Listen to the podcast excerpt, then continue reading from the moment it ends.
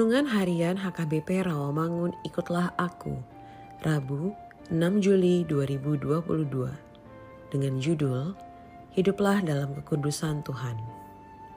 Bacaan kita pagi ini tertulis dalam Matius 18 ayat 15 sampai 20. Bacaan kita malam ini tertulis dalam 1 Samuel 8 ayat 1 sampai 22 dan kebenaran firman Tuhan yang menjadi ayat renungan kita hari ini tertulis dalam 1 Korintus 1 ayat 8 yang berbunyi, Ia juga akan meneguhkan kamu sampai kepada kesudahannya, sehingga kamu tak bercacat pada hari Tuhan kita Yesus Kristus. Demikian firman Tuhan.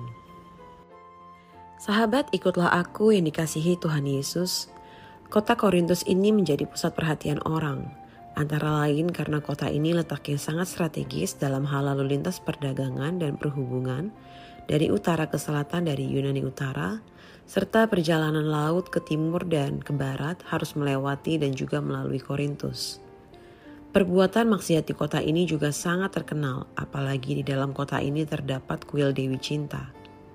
Paulus tiba di kota ini setelah ia meninggalkan kota Athena di Yunani pada tahun 50 Masehi dalam perjalanan keduanya untuk pemberitaan Injil. Ia adalah orang pertama yang memberitakan Injil di kota ini. Penduduk di kota ini ada yang berasal dari Roma, Yunani, dan Asia. Paulus juga menyatakan bahwa jemaat di Korintus adalah orang-orang kudus yang dikuduskan oleh Yesus Kristus.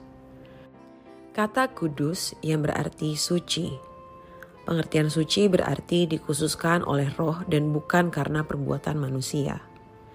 Rasul Paulus berusaha agar jemaat di Korintus tetap terus-menerus memelihara kekudusan hidup sebagai satu komunitas orang percaya. Sebab bukan secara kebetulan saja Yesus Kristus disebut berulang-ulang dalam bagian ini. Pasti karena ada sesuatu yang sedang menggerogoti kehidupan persekutuan berjemaat. Jadi perkataan-perkataan Paulus ini tidak hanya bersifat himbauan moral saja, tapi sebagai suatu peringatan yang terus-menerus agar kasih karunia yang mereka miliki dalam Yesus Kristus harus tetap dipertahankan dengan setia. Amin. Marilah kita berdoa. Ya Tuhan Yesus, mampukan kami untuk hidup kudus sebagaimana Tuhan telah menguduskan kami. Amin.